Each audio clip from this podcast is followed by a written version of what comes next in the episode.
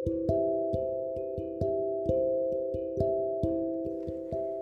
yang di sana, pernah nggak kamu merasakan yang namanya kerja keras, tetapi masih gagal? Aku yakin kamu pasti pernah merasakannya.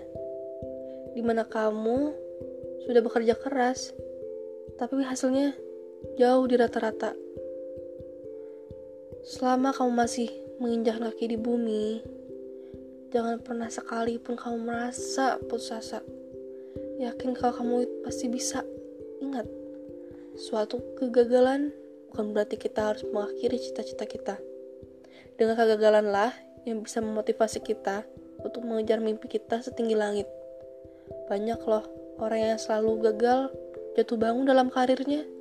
Tetapi karena mereka yakin dan mau berusaha, hingga akhirnya mereka menjadi orang yang sangat sukses. Aku yakin kamu pasti bisa. Teruslah berjuang mencapai cita-cita kamu setinggi langit. thank you